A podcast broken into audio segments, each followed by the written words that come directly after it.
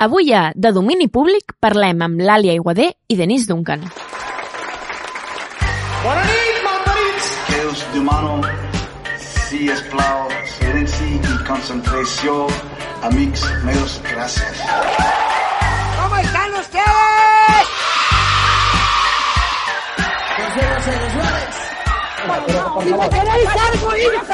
Sou molt bona gent. Saben aquell que ficarà. De domini públic, un podcast del 3C. Sabies que els teus artistes preferits també tenen artistes preferits? De domini públic és el podcast del 3C que trenca la quarta paret i asseu els artistes al pati de butaques. Volem apropar-te la mirada dels creadors sobre els públics de la cultura i la relació que estableixen amb nosaltres. En cada capítol de domini públic s'asseuen al pati de butaques dos artistes de l'escena cultural actual per respondre a la nostra bateria de preguntes. I després, a la secció de l'anecdotari, l'Elisenda ens recuperarà fets curiosos sobre públics, que malgrat que ella es pensa que ningú els coneix, són de domini públic.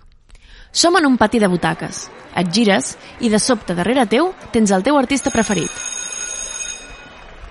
El programa és a punt de començar. Si us plau, no apagueu els vostres dispositius. Durant tot el podcast està permès compartir-ho a xarxes. Que gaudiu de l'experiència.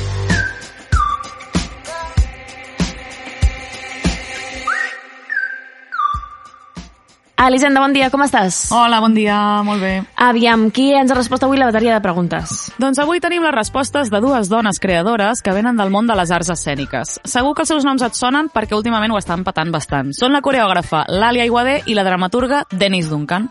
I tant que em sonen, ja tinc ganes d'escoltar les seves respostes.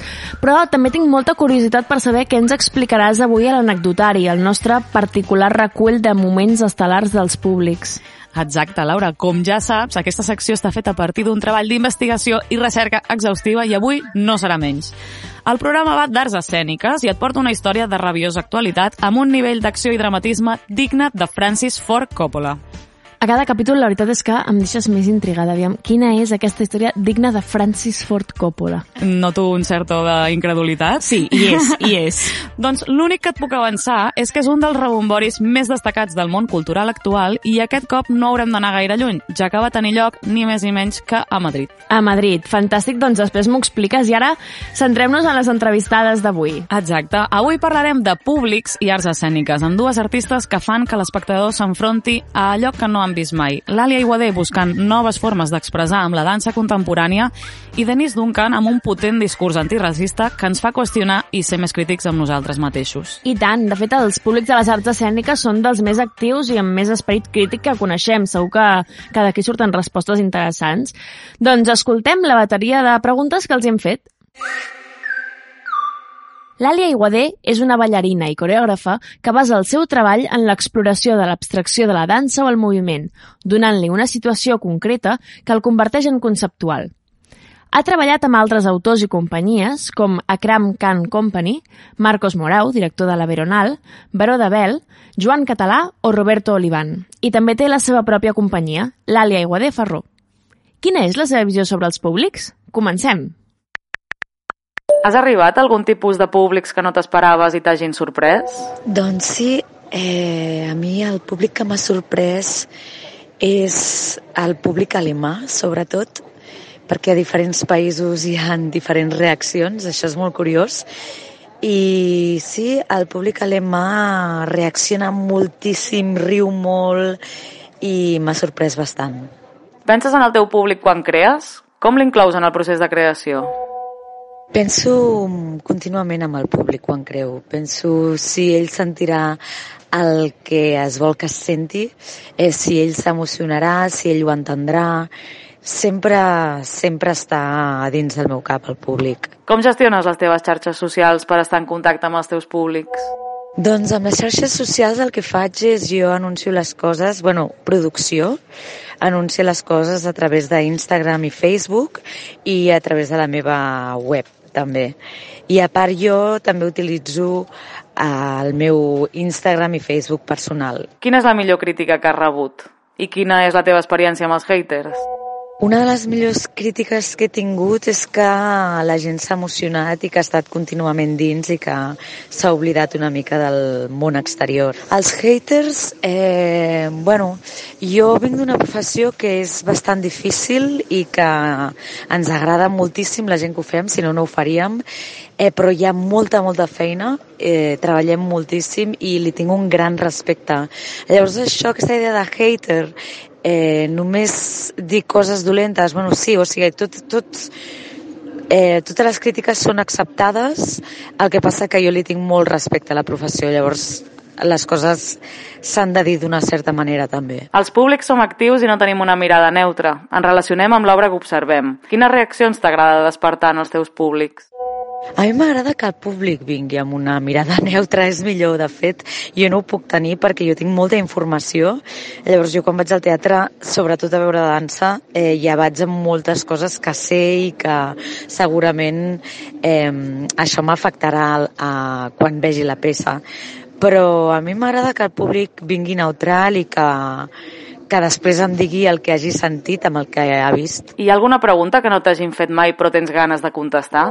Eh, doncs no hi ha cap pregunta així, potser, no sé, ara no se m'acut cap pregunta que no m'hagin fet, però sí dir que eh, jo crec que és molt interessant veure un procés creatiu perquè sempre en els teatres s'ensenya tot, tot ja està acabat, eh, bueno, si és la premier potser encara eh, millorarà la peça, no? però vull dir que ja inclús a la primera amb les llums es veu tot, tot ja està d'una manera, ha agafat una certa forma no? i crec que és molt interessant veure un procés creatiu d'una peça per veure com es construeixen les coses.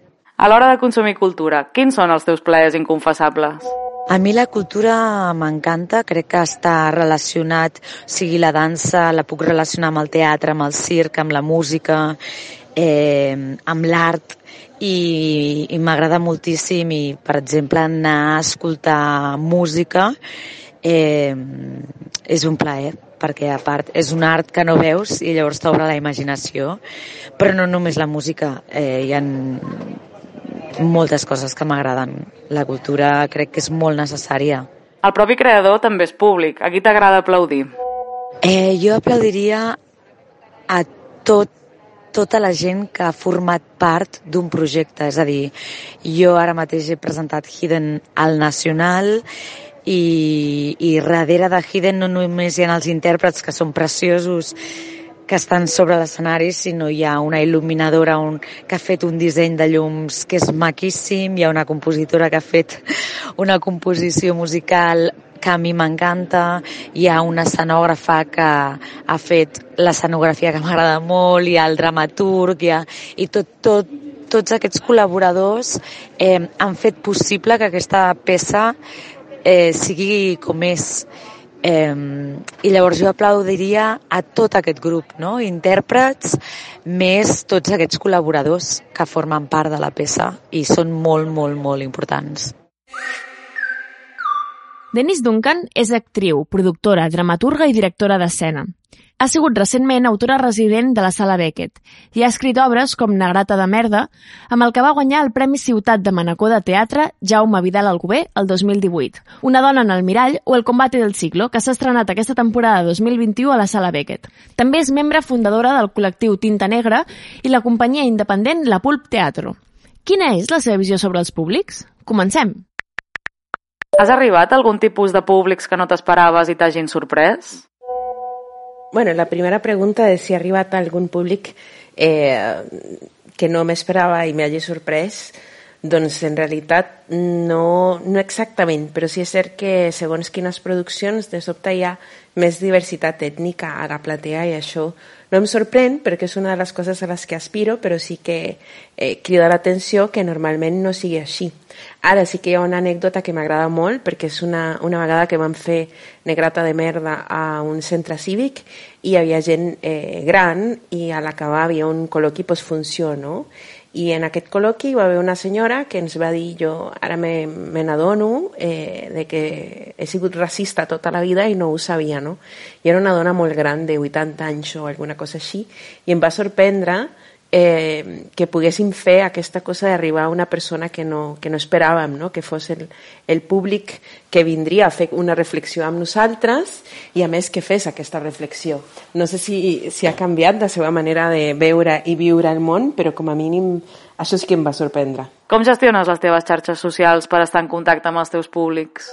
Jo sóc una mica reàcia amb les, amb les xarxes socials i té certa gràcia perquè soc, que, soc periodista i especialista en xarxes, vaig fer un postgrau, però sí que crec que s'ha d'estar en contacte amb la gent, però també crec que hi ha una, una trampa allà, o sigui, estem massa pendents d'aquesta part, que és important perquè hem de comunicar, però també crec que segons en, en, en quins moments hem d'estar més per la, per la feina, no? que és la feina creativa. Eh, llavors, eh, ara mateix el que faig és que comunico les coses que faig des del meu Instagram personal.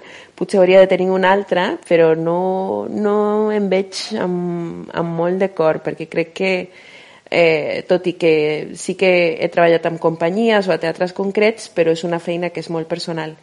I només tinc Instagram, perquè el Facebook ja em feia una mica de mandra, em vaig desfer del Facebook fa un any, i el Twitter crec que és un lloc una mica complicadet, no? que és com uh, on la gent parla sense eh, criteri, és, uh, no sé, no m'agrada gens ni mica, crec que és un, un lloc una mica tòxic, almenys per mi, llavors no, no el faig servir. Els públics som actius i no tenim una mirada neutra. Ens relacionem amb l'obra que observem. Quines reaccions t'agrada despertar en els teus públics?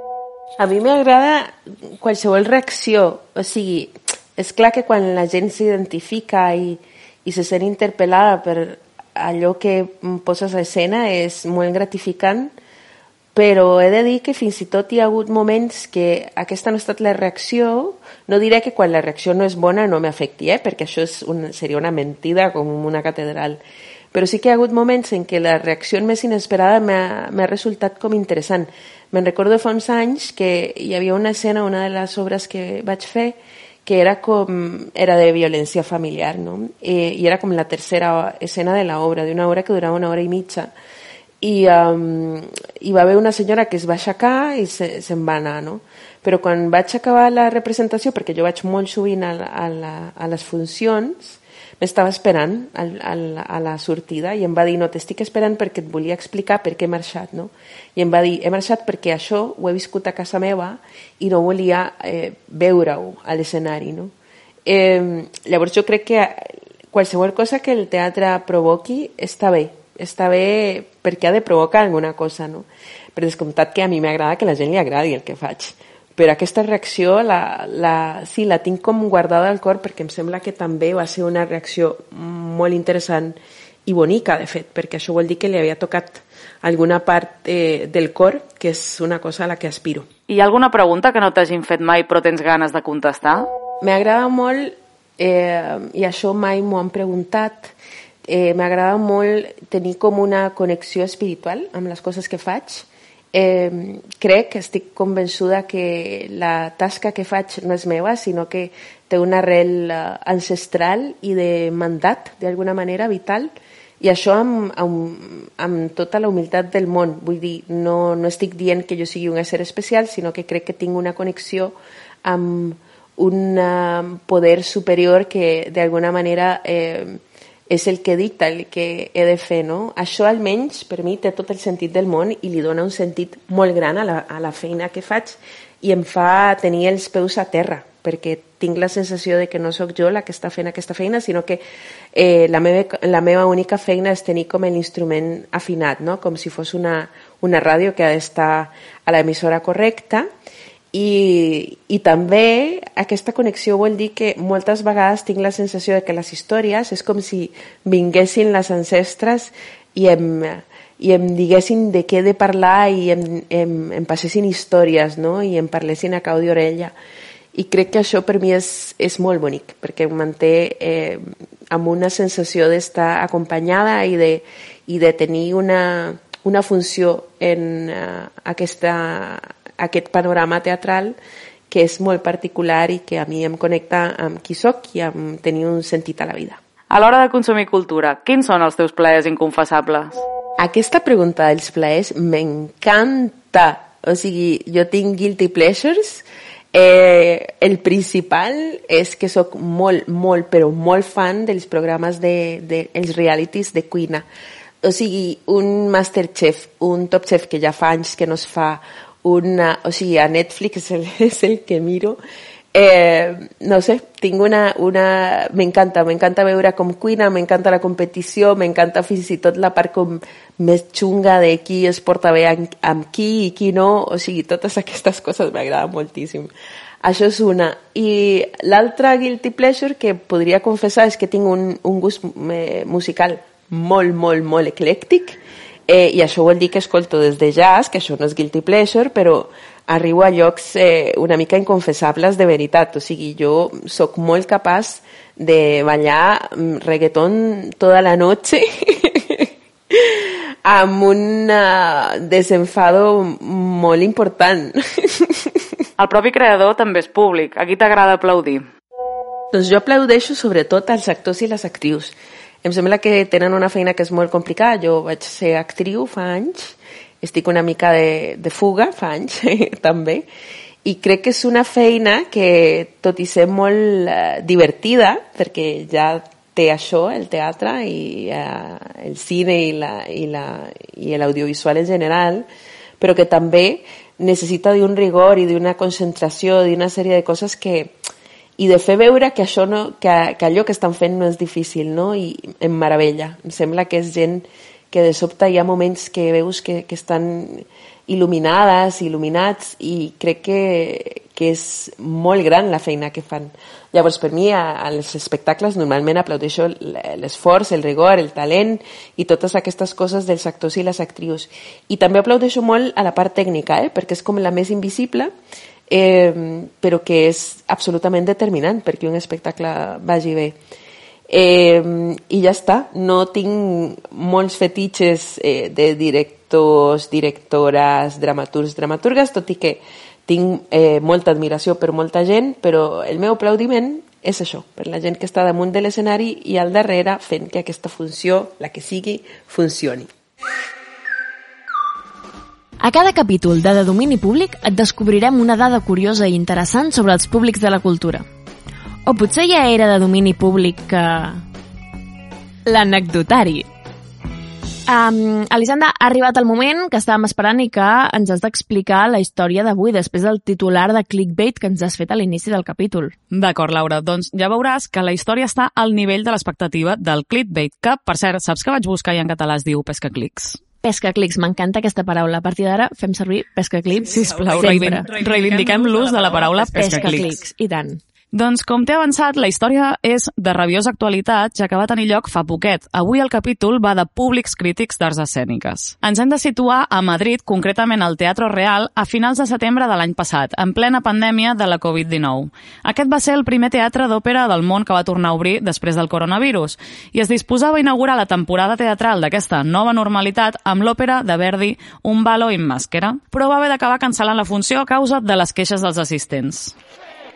Les queixes, de veritat, però després de tant de temps amb els teatres tancats, reivindicant que la cultura és segura i tot plegat... Total, és que exactament d'això es queixaven. Es veu que l'obra havia de començar cap a les 8 del vespre, però el públic es va queixar de les escasses mesures de seguretat i distància entre les butaques. Però encara pitjor, perquè les queixes venien de la part superior de l'amfiteatre, on hi ha les entrades més barates, ja que aparentment les mesures no es complien entre les localitats més econòmiques, però resulta que entre les més cares sí. Ostres, eh, això em sembla molt fort. Eh, com ho van arreglar, això? Home, bastant fort. Una mica de, de classicisme dins, de, dins del teatre, no? Una miqueta, sí, sí. Doncs, segons expliquen les fonts que he pogut consultar totalment confidencials de Twitter. Vale, super, super confidencial, sí, sí. Es va poder oferir als espectadors de reubicar-se o retornar-los l'import de les entrades. Però la demanda de fulls de reclamació va ser tal que van haver d'anar a imprimir-ne més, cosa que encara va causar més caos al vestíbul. La indignació era tanta que fins i tot personatges com l'escriptora Rosa Montero ho van relatar a les xarxes socials. Ostres, ara que ho dius, això sí que em sona haver vist el tuit de la, de la Rosa Montero. Eh, aquesta història, doncs, Elisenda, era de domini públic. Eh, moltes gràcies per eh, passar les teves hores lliures mirant Twitter i després venir en el nostre podcast per explicar-nos-ho. moltes gràcies a tu i t'asseguro que seguiré revisant fonts secretes com ara Twitter, Wikipedia, Netflix i... I tant, les i més fiables, sempre, sempre les més fiables. Eh, doncs moltes gràcies a l'Hisenda i moltes gràcies també a les nostres dues convidades d'avui, l'Àlia Iguadé i Denis Duncan, que han volgut respondre a la nostra bateria de preguntes. I acabem fent el que millor sabem, gaudir entre el públic de la música, amb Torrent Sanguini, inclòs en el disc Els mals costums, l'últim treball discogràfic d'en Andreu. asseguda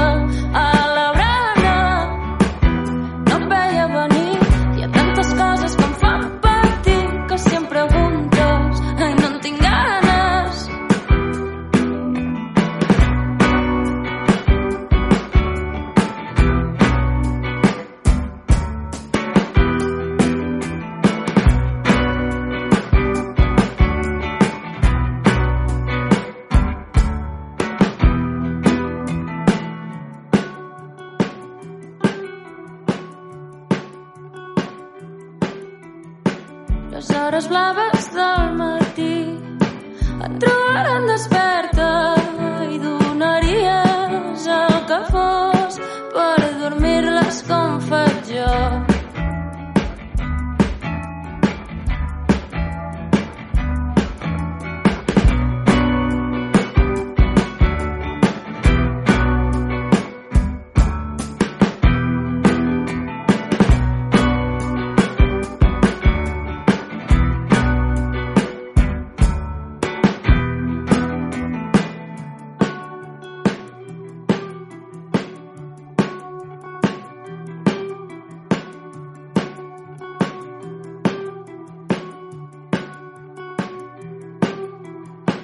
Les hores blaves del matí et trobaran desperta i donaries el que fos per dormir-les com faig jo.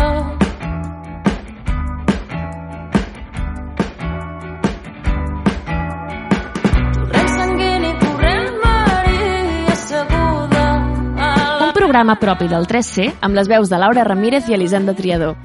Ideat i creat per Blanca Esteve, Vanessa Mingo, Laura Ramírez, Anna Requejo i Elisenda Triador.